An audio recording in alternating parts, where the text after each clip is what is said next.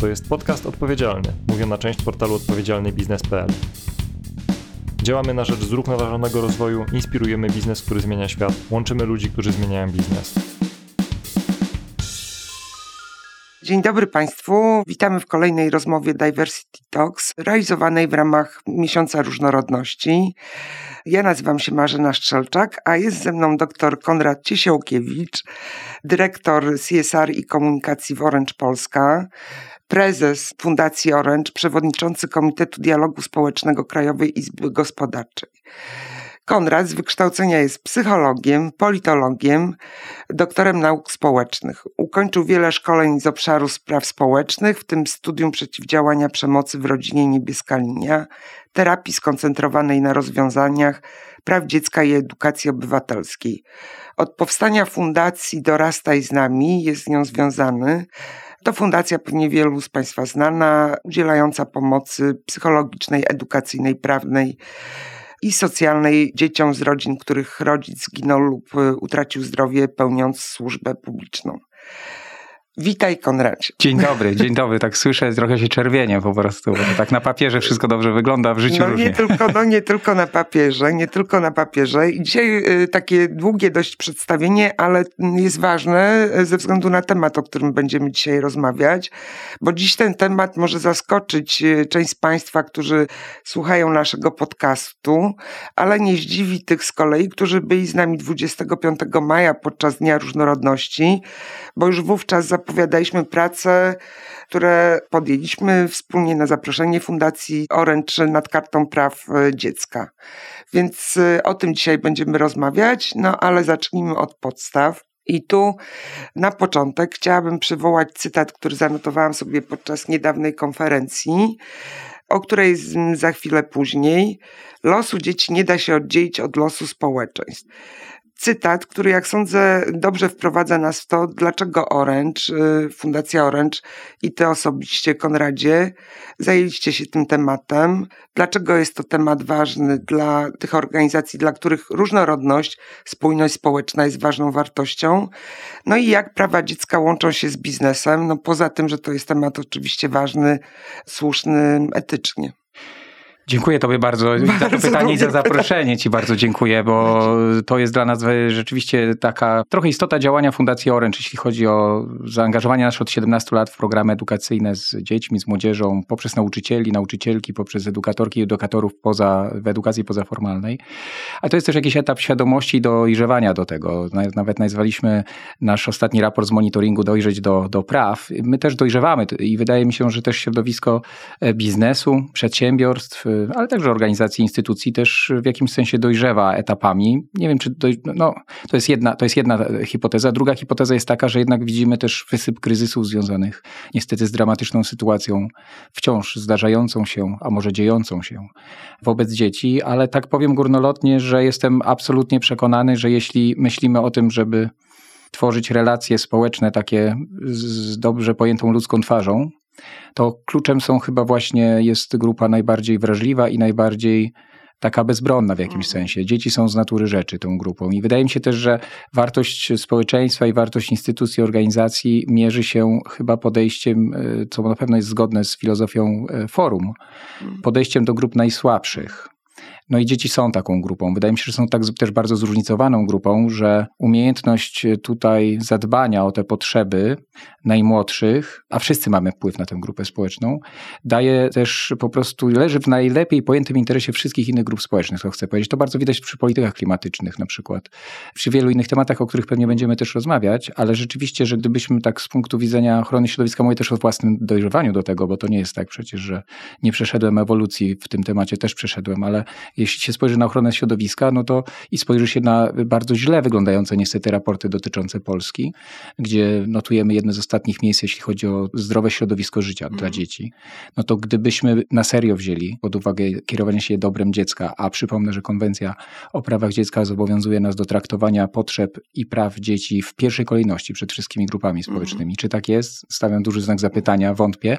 To, to wszyscy byśmy na tym zyskali na dobrą sprawę. No właśnie, powiedziałeś o tym dojrzewaniu etapach dojrzewania, bo to jest zaskakujące trochę, ale myślę bardzo ważne, żeby tutaj o tym powiedzieć, że ten temat praw dziecka na agendzie ONZ-u jest stosunkowo młodym tematem, tak można powiedzieć, w przeciwieństwie do na przykład praw człowieka w ogóle, prawda?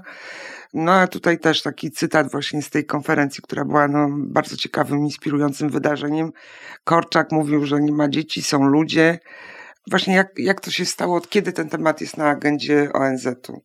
Na dobrą sprawę można jeszcze oczywiście wracać pewnie do Ligi Narodów, ale pewnie wystartować należy od konwencji od powszechnej deklaracji praw człowieka w 1948 roku, no bo bez niej później nie mhm. byłoby konwencji o prawach, prawach dziecka, ale faktycznie to jest koniec lat 70., końcówka lat 70., gdzie Polska składa propozycję właśnie takiego dokumentu. On przez kolejne lata jest procedowany i dyskutowany na arenie międzynarodowej i w 89 roku Zgromadzenie Narodowe, Zgromadzenie Ogólne, przepraszam, Organizacji Narodów Zjednoczonych przyjmuje, Polska ratyfikuje ten dokument w 91 roku, więc tak, to jest świeży dokument, on jest nazywany konwencją, pierwszą konstytucją praw dziecka i on ma takie dwa znaczenia, bo z jednej strony on jest rzeczywiście literą prawa i z niego wynikają bardzo istotne obowiązki, między innymi powoływanie urzędów, instytucji, które zajmują się ochroną dzieci, ale z drugiej strony jest również e, zbiorem, w jakimś sensie aksjologią, systemem wartości, z którego wynikają też powinności, czyli to jest kolejna generacja praw człowieka, bo mówimy o prawach mm. człowieka. Prawa dziecka są prawami no człowieka. No prawa człowieka mm. zaczynają się od praw dziecka.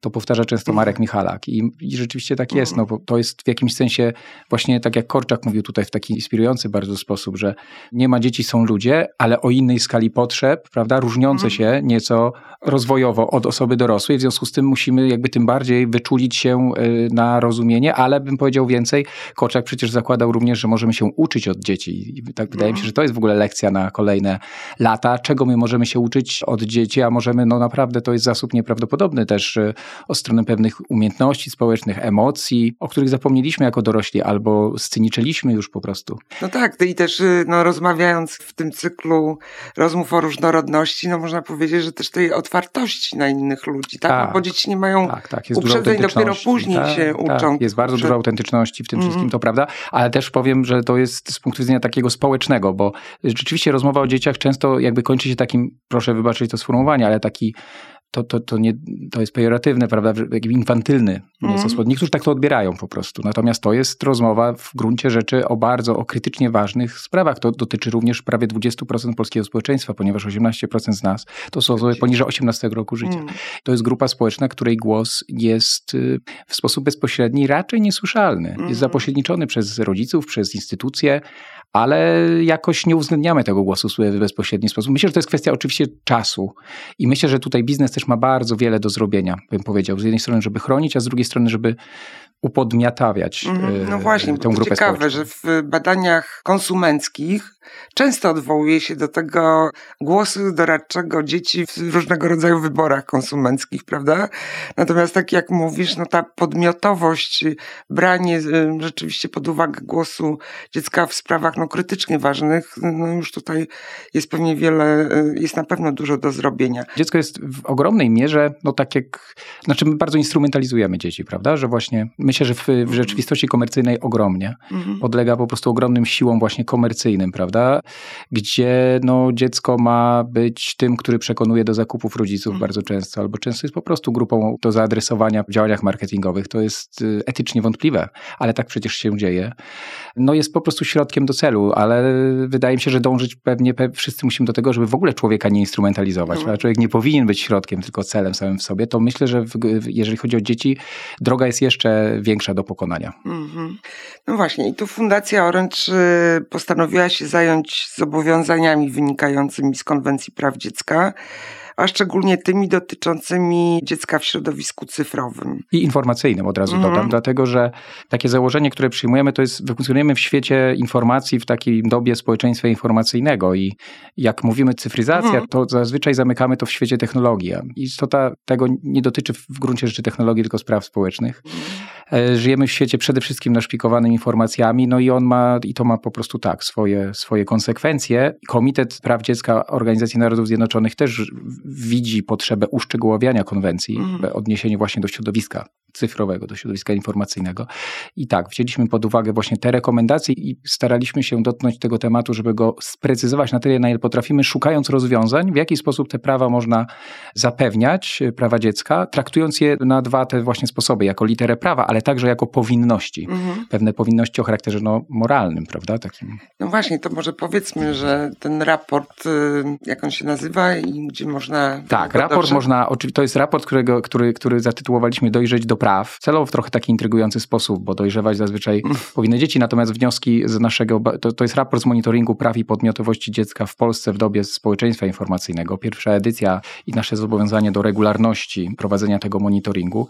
Na pierwszy rzut oka dojrzewać powinni teoretycznie młodsi, ale jest dokładnie odwrotnie. To dorośli Kazuje wciąż musimy dotrzeć. Mówiąc dorośli, mam na myśli nas, obywatelki, obywateli, ale też instytucje, organizacje, przedsiębiorstwa. To my musimy dojrzeć do praw dziecka, ponieważ powszechna świadomość jest wciąż bardzo niska tych praw. No właśnie, to gdybyś powiedział, jakie kluczowe tutaj tak sobie mhm. zanotowałam wyzwania może najpierw, a później mhm. rekomendacje. Skala opisanych wyzwań i mhm. potrzeb onieśmiela. Bardzo to jest to dramatyczne prawda. sformułowanie, prawda, ale, ale słuszne. Bardzo nam zależy w ogóle w pierwszej kolejności, żebyśmy, żeby też przekonywać instytucje publiczne, bo muszę powiedzieć, że na przykład właśnie rekomendacje dotyczące środowiska cyfrowego informacyjnego Komitetu Praw Dziecka ONZ no, nie są znane w ogóle w Polsce i, i, i w tym sensie też nie są znane, że przed, jako pierwsza fundacja w ogóle przetłumaczyliśmy je, czyli w zasadzie jedyny dokument jest u nas na stronach y, to jest trochę przykre, bo od tego są instytucje publiczne, żeby natychmiast tego rodzaju dokumenty były tłumaczone i były propagowane. No tak, no ale to nie pierwszy raz, kiedy biznes dojrzały, świadomy wychodzi naprzeciw różnym niedostatkom, Może, tak, powiedzmy. Tak, ale bardzo nam zależy właśnie na tej no. architekturze, bo konwencja wprowadza w ogóle taki katalog czterech fundamentalnie ważnych zasad, którymi powinien kierować się prawodawca, organizacja, instytucja. Właśnie po pierwsze, to jest w ogóle zasada dobra dziecka i kierowania się dobrze pojętym interesem mhm. dziecka.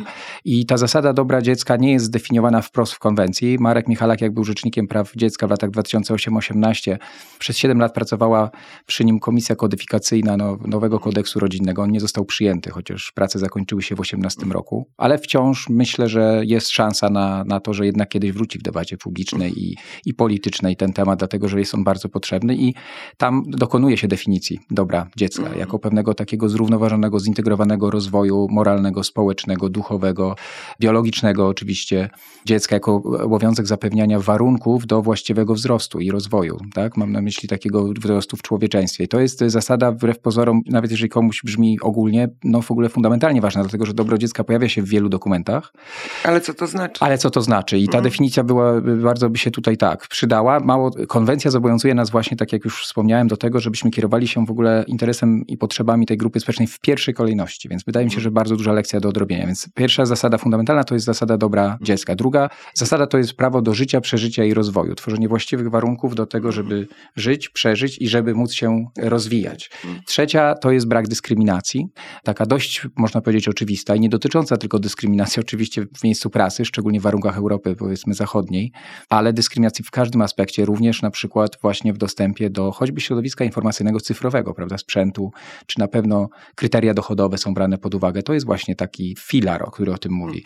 I czwarta to jest przede wszystkim poważne traktowanie opinii dziecka, czyli z tego wynika fundamentalne prawo do bycia wysłuchaną, wysłuchanym. Czyli tej podmiotowości. Czyli tej podmiotowości. I to jest zasada, która naprawdę nie dotyczy tylko procedur sądowych i przesłuchań, tylko dotyczyć powinna codzienności. Myślę, że dużo mamy tutaj do odrobienia. Mówiąc to, nie mam na myśli, że my jesteśmy kimś lepszym niż inni, bo też dorastamy do tego i też musimy dojrzewać. Mm. I to jest, z tego też wynika ten monitoring. My też chcemy wdrażać w życie y, część wniosków, rekomendacji. W zasadzie wdrażamy, bo już modyfikujemy też nasze programy pod wnioski z tego monitoringu płynące. Ale wszyscy mamy dużą do odrobienia. Tak, no mamy oczywiście też pewne konkretne y, wnioski, jeżeli chcesz, żebym mhm. od razu tak, tak powiedział, to chętnie. Znaczy nie, no myślę, że nie uda nam się pewnie wszystkiego pewnie, mówić, pewnie, a też mamy tutaj zaproszenie dla tych wszystkich, którzy chcieliby się włączyć. Bardzo, te, bardzo mocno zapraszam. Y, w te prace, więc myślę, że te najważniejsze wyzwania, czyli no, zaczynając od fundamentów, o których y, powiedziałeś, ale też rekomendacje. Tak, tak to jest, monitoring prowadziliśmy w takich hmm. dwóch, można powiedzieć, dwóch fazach. Po pierwsze słuchaliśmy dzieci dzieci i młodzieży. E, To jest jednak, no to jest w ogóle podmiotowość, no właśnie, od tego trzeba zacząć. I tutaj mamy taka fundamentalnie ważna rzecz, y, która jest wbrew intuicji być może, a przynajmniej wbrew naszej intuicji była, to jest na przykład rozumienie poczucia bezpieczeństwa, w ogóle bezpieczeństwa dzieci, a dorosłych. To znaczy, jak my rozumiemy bezpieczeństwo w świecie informacji i w świecie cyfrowym jako dorośli, a jak rozumieją to dzieci. To są zupełnie dwa różne światy faktycznie. To znaczy, że młodzi funkcjonują w tym świecie w permanentnym lęku. E, Lęku i strachu przed byciem skompromitowanymi, by, byciem, e, no, przekroczeniem granic innych wobec nich, ale też nadużyciem zaufania, które się odbywa cały czas. To jest też związane z byciem na wielu forach, na wielu kanałach informacyjnych. Dzisiaj przyjaźni, jutro nienawiści i wykorzystania na przykład dialogów, nagrań, rozmów, zdjęć, materiałów zdjęć. To jest niestety na porządku dziennym. I To, to się nazywa w sumie przemocą rówieśniczą, prawda? My też nazywamy Tak. to często cyberbullyingiem na Mhm. przykład, ale to zjawisko jest bardziej złożone niż tylko hasło cyberbullying czy cyberbullying, Mhm. prawda? I Znaczy to w ogóle mnie bardzo zaskoczyły te dane o tym, o tym poczuciu właśnie zagrożenia ze strony rówieśników. Tak, Tak, tak. Nam się Jako, wydaje, nie, no, nie, nie, nie tak. wpuszczaj obcych do, na swoje konta, Tak. prawda? Nie reaguj na, albo, no właśnie, albo tam y, pilnuj swoich haseł. To wszystko wiedzą doskonale, ponieważ to jest wałkowane w każdym No, miejscu, tak. natomiast oni się boją tych, których znają, nie tych, No których nie właśnie, znają. to jest, to jest po prostu tak smutne. To jest smutne. To też Mhm. dużo mówi o świecie dorosłych sobie myślę, dlatego że jeżeli w takim trochę darwinistycznie zorientowanym Mhm. społecznie świecie żyją dzieci, no to przecież one go nie stworzyły, tylko my. Nie? Więc to się skądś wywodzi, to się wywodzi z naszych Mhm. instytucji, rodzin, Tak, z podejścia szkół, do innych. z podejścia do innych, Mhm. nas samych, to znaczy mówię tutaj o sobie Dokładnie. też, tak? Więc jeżeli dzieci to robią, no to dzieci jednak my modelujemy te Mhm. zachowania. To jest nasz świat. Zresztą którego- to się powtarza też w tych y, wnioskach, w tym badaniu, z tego badania też wynika, że najważniejszy jest ten wzór, który dzieci mają Tak. w domu. Tak, tak. I totalna hipokryzja nas, dorosłych. To znaczy, ja mówię tu o sobie również, bo ja też w tym sensie Mhm. jestem hipokrytą, prawda? To znaczy, mnie się denerwuje na dzieci, wiedząc, jak sam się zachowuję ze, Mhm. ze sprzętem, prawda? I to wiem może pod wpływem takich badań, że powiedzmy, mniej się powinienem denerwować, ale to nie tylko mniej się denerwować, powinienem Bardziej pracować coś nad robić, sobą. pracować nad sobą, tak. Jesteśmy też tuż po badaniach higieny cyfrowej, gdzie dorośli po prostu, no jest jakby, można powiedzieć, użyję takiego sfo- sformułowania, ale jest katastrofalny stan naszego takiej higieny cyfrowej, w której funkcjonujemy. Nie, nie, nie ma jej po prostu prawie, że. Mm.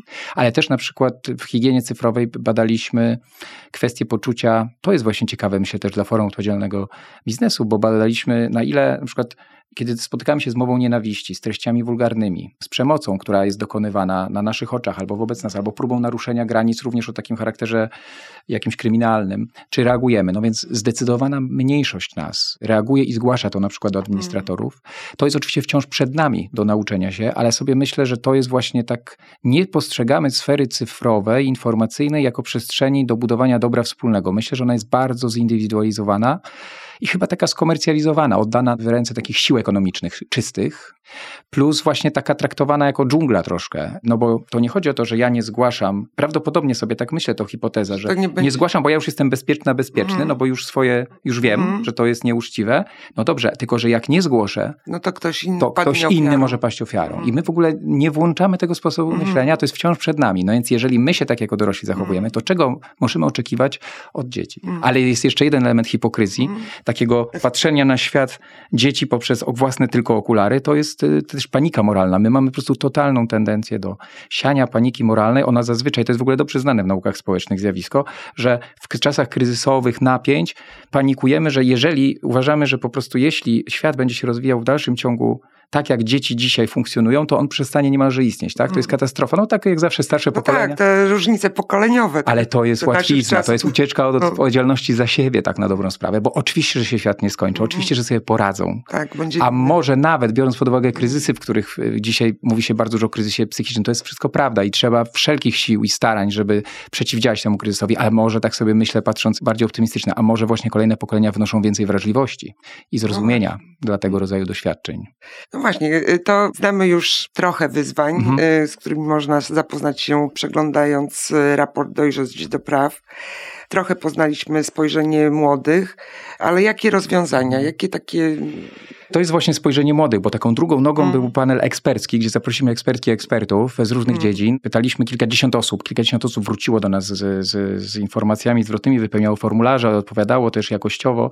I tak na skali powiedzmy dziesięciopunktowej taki ogólny stan praw i podmiotowości dziecka w Polsce oceniony został w tym panelu na 2,6. To jest nisko, Straszne. ale mogę powiedzieć, że jest jeszcze gorzej na przykład pod względem mowy nienawiści. Mm, i właśnie przemocy, która się dzieje w sieci, to jest 0,6 na 10 punktów. Tak zostało ocenione przez ekspertki i ekspertów oczywiście, bo taką skalę zastosowaliśmy i taki indeks stworzyliśmy dzięki Jankowi Herbstowi z, z Fundacji Stocznia i uczestnika prac naszej Rady Programowej.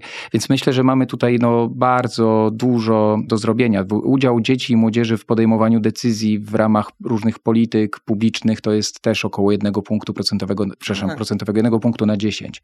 Więc no, te sfery leżą. To samo traktowanie mniejszości leżą, totalnie leżą, prawda? Więc i wydaje mi się, że też w sferze publicznej, takiego dyskursu publicznego też mamy jednak pewne przyzwolenie jednak na co najmniej konflikt w tym zakresie. Co najmniej konflikt silny w tym zakresie. Właśnie, więc jednym z pomysłów na to, jak zająć się tym tematem systemowo, są prace nad y, kartą praw dziecka. Byłoby doskonale, ale też nie mamy oczywiście odpowiedzi, jak ona powinna wyglądać, ale No z- właśnie. dwoma rękoma podpisujemy się pod taką potrzebą i jesteśmy wdzięczni forum, że, że w ogóle rozpoczyna myślenie na ten temat, dlatego że Karta Różnorodności, muszę to powiedzieć z własnego doświadczenia, przyniosła bardzo duże owoce. Tak? W organizacji, w której ja pracuję, czy w instytucjach, z którymi mam kontakt i relacje i w których działam, jednak karta była takim właśnie drogowskazem uwrażliwiającym. Nie od razu, nic się nie wydarzyło z Tak. poniedziałku na wtorek, ale jednak pokazywała kierunek, azymut wyznaczała i to był jednak ważny azymut. Bardzo też takie holistyczne podejście do różnorodności proponowała, czyli kiedyś mówiliśmy, No tak. jeszcze mówiliśmy, musimy, prawda, szanować się wzajemnie pomimo różnic, a dzisiaj mówimy, że różnorodność jest wartością. Nie Tak, pomimo, tak, tylko cieszymy się, że jesteśmy różni, prawda? Tak. To jest, to jest w ogóle zmiana filozofii. Ja sam wiem, i jaką drogę No przeszedłem też, pod tym No właśnie względem. tak y, na marginesie, my też y, w forum robiąc takie badanie z okazji dziesięciolecia Karty Różnorodności w ubiegłym roku, no byliśmy na dużej próbie 800 y, firm, dużych i średnich. Byliśmy z lekka rozczarowani, bo okazało się, że jeżeli patrzymy na Polskę statystycznie, to wygląda ten obraz rozumienia, czym jest zarządzanie różnorodnością w procentach bardzo podobnie jak to było 10 lat temu. Ale stwierdziliśmy, że być może jest tak, że jak weźmiemy, no bo przecież solą tej ziemi są firmy małe, średnie, mikro, nieduże organizacje, więc żeby ta zmiana nastąpiła, czasu trzeba i 10 lat to wcale nie jest tak dużo, ale też y, tak to podsumowaliśmy, że też dzisiaj, 10 lat y, później trochę co innego rozumiemy i trochę więcej oczekujemy od y, zarządzania różnorodnością, więc myślę, że ten aspekt właśnie taki edukacyjny On jest bardzo kulturotwórczy też i to tak. jest duża twoja ogromna osobista też zasługa, no, No. bo y, jesteś liderką tego ruchu w Polsce.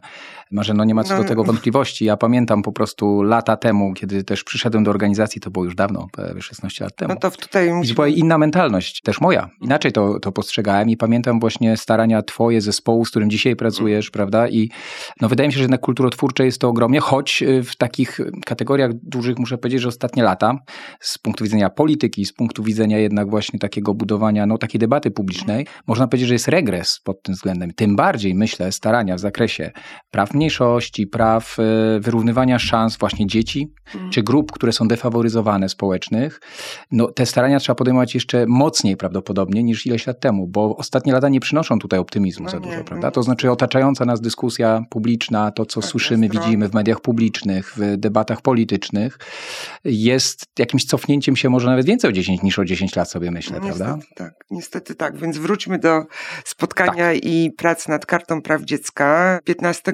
czerwca zapraszamy do siedziby Orange. Byłoby tak? cudownie. Koleżanka, która jest w zarządzie Forum Odpowiedzialnego Biznesu razem z Marzeną dały zielone światło i organizujemy spotkanie, czy organizują koleżanki spotkanie, ale ja też w nim wezmę udział jako fundacja. Tak, no rozumiem właśnie, żeby trochę opracować, czy wypracować jakiś pomysł na być może kartę, prawda, dotyczącą praw praw dziecka, e, podmiotowości dziecka. Od razu powiem, że tak mówię, że biznes ma dużo do zrobienia, ale nawet jeżeli weźmiemy pod uwagę wychodzące w ostatnich miesiącach i latach permanentnie takie historie dramatyczne, przemocowe. Ja wiem, że one to jest zawsze taka trochę szantaż emocjonalny, kiedy się o tym mówi, ale trzeba też o tym mówić, tak? Nadużyć seksualnych, nadużywania pozycji władzy, bo to zawsze jest o władzy. Mm. Przemocy domowej, przemocy w organizacjach i nadużyć w organizacjach wychowawczych, organizacjach kościoła, czyli tych, po których oczekiwałoby się czegoś znacznie więcej, prawda? I to myślę, że wiele przed nami wciąż Mhm. w tym zakresie, to takie aferalne rzeczy, no patrzę z mediów, prawda, jako widz i czytelnik mm, i słuchacz. Jeżeli my byśmy, bo mówimy dużo o tym, że powinniśmy wprowadzać obowiązkowe standardy ochrony dziecka w przestrzeni każdej, to znaczy zarówno przed przemocą fizyczną, ale także przed, nie wiem, kradzieżą danych osobowych, nadużywaniem prywatności, także przed relacjami, które przekraczają granice relacji służbowych i profesjonalnych i tak dalej, i tak dalej, to gdybyśmy sobie, myślę tak, nie wiem, duże przedsiębiorstwa na przykład wymagały tego od partnerów, organizacje, które są charytatywnymi organizacjami, albo wychowawczymi, albo społecznymi, pracującymi z dziećmi, to być Tak. może byśmy uchronili część takich, takich dramatycznych historii, być może by nie było, albo byśmy o nich wcześniej wiedzieli, bo właściwe instytucje byłyby powiadomione. Więc może nie trzeba czekać na rządowe dokumenty, ale można samemu dużą pracę zrobić. Kiedy słyszę o związku tenisowym, to od razu widzę informacje o dziesiątkach milionów złotych y, finansowane, związek jest finansowany przez spółki Skarbu Państwa. Gdyby tego rodzaju regulacje były, również regulacje Tak. dotyczące sygnalistów, Mm. to prawdopodobnie takie środki by nie płynęły albo bardzo szybko byłyby zawiadomione właściwe służby, więc my mamy naprawdę ogromny wpływ na to, żeby budować bezpieczniejsze, bardziej przyjazne warunki do, użyję sformułowania jeszcze raz z Mhm. konwencji, życia, przeżycia i rozwoju. Mhm. Bo wspomniałeś o Monice Kulik. Zastanawiałyśmy się, czy ten temat prac nad kartą praw dziecka będzie tematem ciekawym dla biznesu, ale też takie właśnie pierwsze zaproszenie do udziału w tym spotkaniu, o którym mówimy 15 czerwca, właśnie podczas y, Dnia Różnorodności, przyniosło nam taki informację, że jest wiele podmiotów zainteresowanych właśnie z biznesu. I tak jak powiedziałeś, biznes ma wielką siłę oddziaływania, może sprawić, że ten świat będzie choć trochę lepszy. Oj tak, mamy, mamy dużo do zrobienia i mam nadzieję też, że jakieś sumienie nas rusza, bo też przecież u nas też to, to, to z tym jest związane, że widzimy, co się dzieje wokół i, i też próbujemy szukać tej sprawczości, żeby zrobić coś, co możemy, a możemy bardzo dużo, bo jednak sektor właśnie przedsiębiorstw ma tutaj no, ogromną część, znaczy po prostu sektor przedsiębiorstw działa też w sferze publicznej, musimy sobie to odważnie powiedzieć, jesteśmy też obywatelami jako instytucje. Z tego wynika też jednak odpowiedzialność po prostu.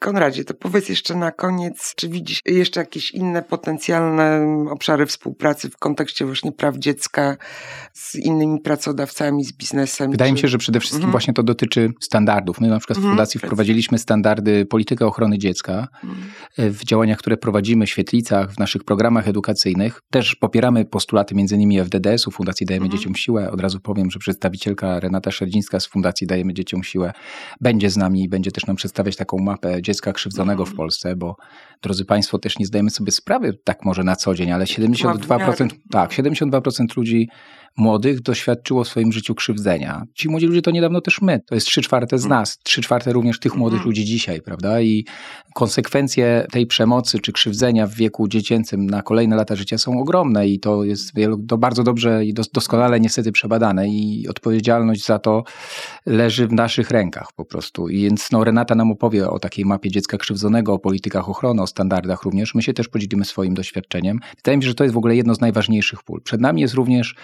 ochrona sygnalistów, ustawa o ochronie sygnalistów, która mam nadzieję, że w końcu wejdzie w Polsce. Temat bardzo Właśnie. trudny i on ma się wiąże z dziećmi również, Bardzo. dlatego że wszystkie te jakoś nie wiąż, nie, jakoś tak mam wrażenie, że politycy go jakby nie widzą, nawet mało tego powiem, przedsiębiorcy nie widzą związku, on jest bezpośredni. Być może części tragedii w tych organizacjach i instytucjach, gdyby tam działała wtedy ustawa i system ochrony sygnalistów, czyli zawiadamiających o nadużyciach, nie mielibyśmy do czynienia z częścią. No DPS w Małopolskim, prawda, gdzie też wychowywana była Kora. Mhm. Dziesiątki lat pewnej kultury przemocy.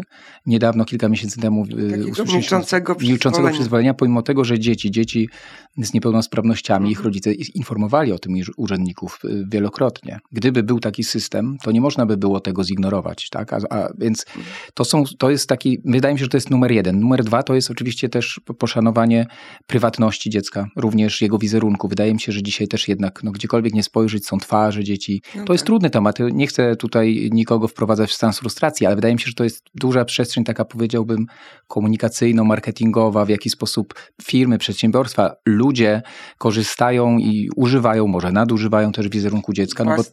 My mamy pierwszy raz do czynienia z pokoleniami, które mają swój ślad cyfrowy, który jest no nie do, Usunięcie. nie do usunięcia jeszcze przed czasem swojego narodzenia, ponieważ decydują o tym rodzice, a później przez naście lat życia, kiedy nie mają świadomości jeszcze, co to jest, budowana jest ich własna historia. I teraz w wieku 13 lat, 14, kiedy ja próbuję opowiedzieć światu O sobie. o sobie, się okazuje, że ja mam 15 lat już opowiedzonej historii za mnie i to jeszcze w sytuacjach, które mogą być dla mnie dzisiaj niezwykle wstydliwe.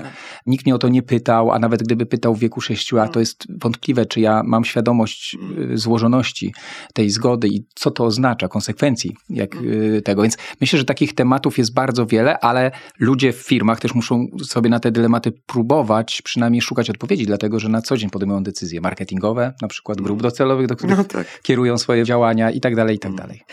No dobrze, to y, myślę, że już mniej więcej wiadomo, jakie plany fundacja może mieć y, na przyszłość, no ale gdyby tak zamykając jeszcze tę rozmowę, powiedziałbyś y, o tym, co w kolejnym roku planujecie w związku z tym tematem.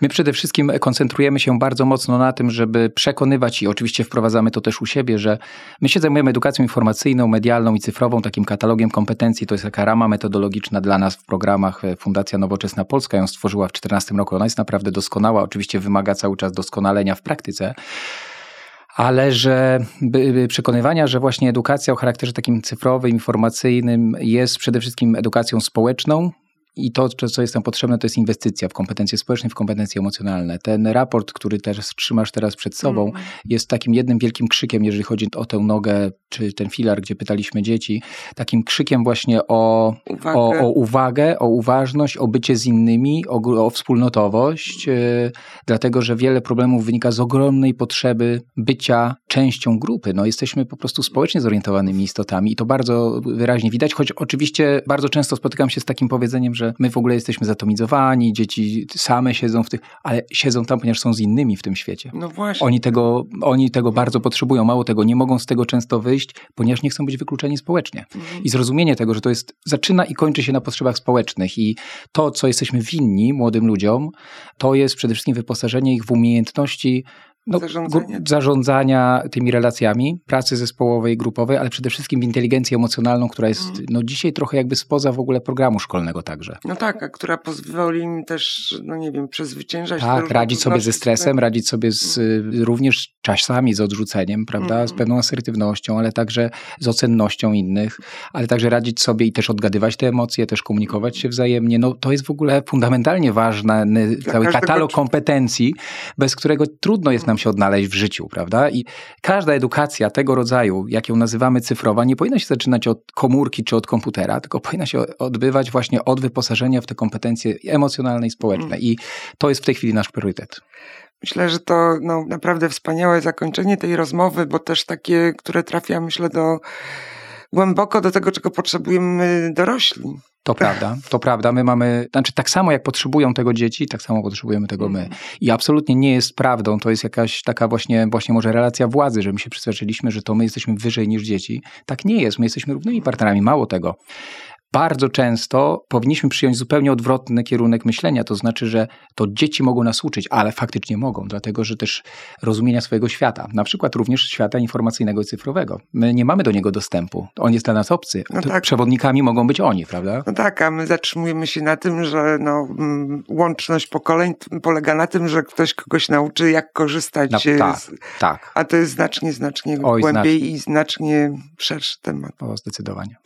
Bardzo dziękuję. Ja dziękuję bardzo. Dziękując za rozmowę, jeszcze spytam cię, czego ci życzyć? Eee, życzyć mi chyba takiej e, pokory i tego trzymania się właśnie słuchania i podążania za potrzebami. To jest e, taki kierunek, który przyjęliśmy sobie teraz, że no nie możemy zajmować się dziećmi i, i młodzieżą, kiedy nie będziemy przede wszystkim podążać za ich potrzebami. Czyli nie chodzi o to, jak często w systemie szkolnym pytamy głównie nauczycieli. Oczywiście wspieramy nauczycieli, bo uważamy, że bez podmiotowości nauczycieli nie będzie podmiotowości dziecka. Ale nie wystarczy pytać nauczycieli, trzeba pytać nauczycieli, ale w pierwszej kolejności trzeba pytać dzieci i młodzież. I to jest też kierunek, który jest przed nami. I no, bardzo bym sobie życzył, jeżeli możesz trzymać kciuki, to trzymaj, żebyśmy się tej drogi trzymali. Trzymam kciuki bardzo mocno. Dziękuję bardzo. bardzo. Dziękuję za rozmowę. Ja dziękuję. Dziękuję, do usłyszenia i do zobaczenia. To jest podcast odpowiedzialny, mówiona część portalu odpowiedzialnybiznes.pl. Działamy na rzecz zrównoważonego rozwoju, inspirujemy biznes, który zmienia świat, łączymy ludzi, którzy zmieniają biznes. To wszystko na naszych podcastach dostępnych na stronie odpowiedzialnybiznes.pl ukośnik podcast oraz w serwisach SoundCloud, Spotify, Google Podcast, YouTube oraz poprzez kanał RSS.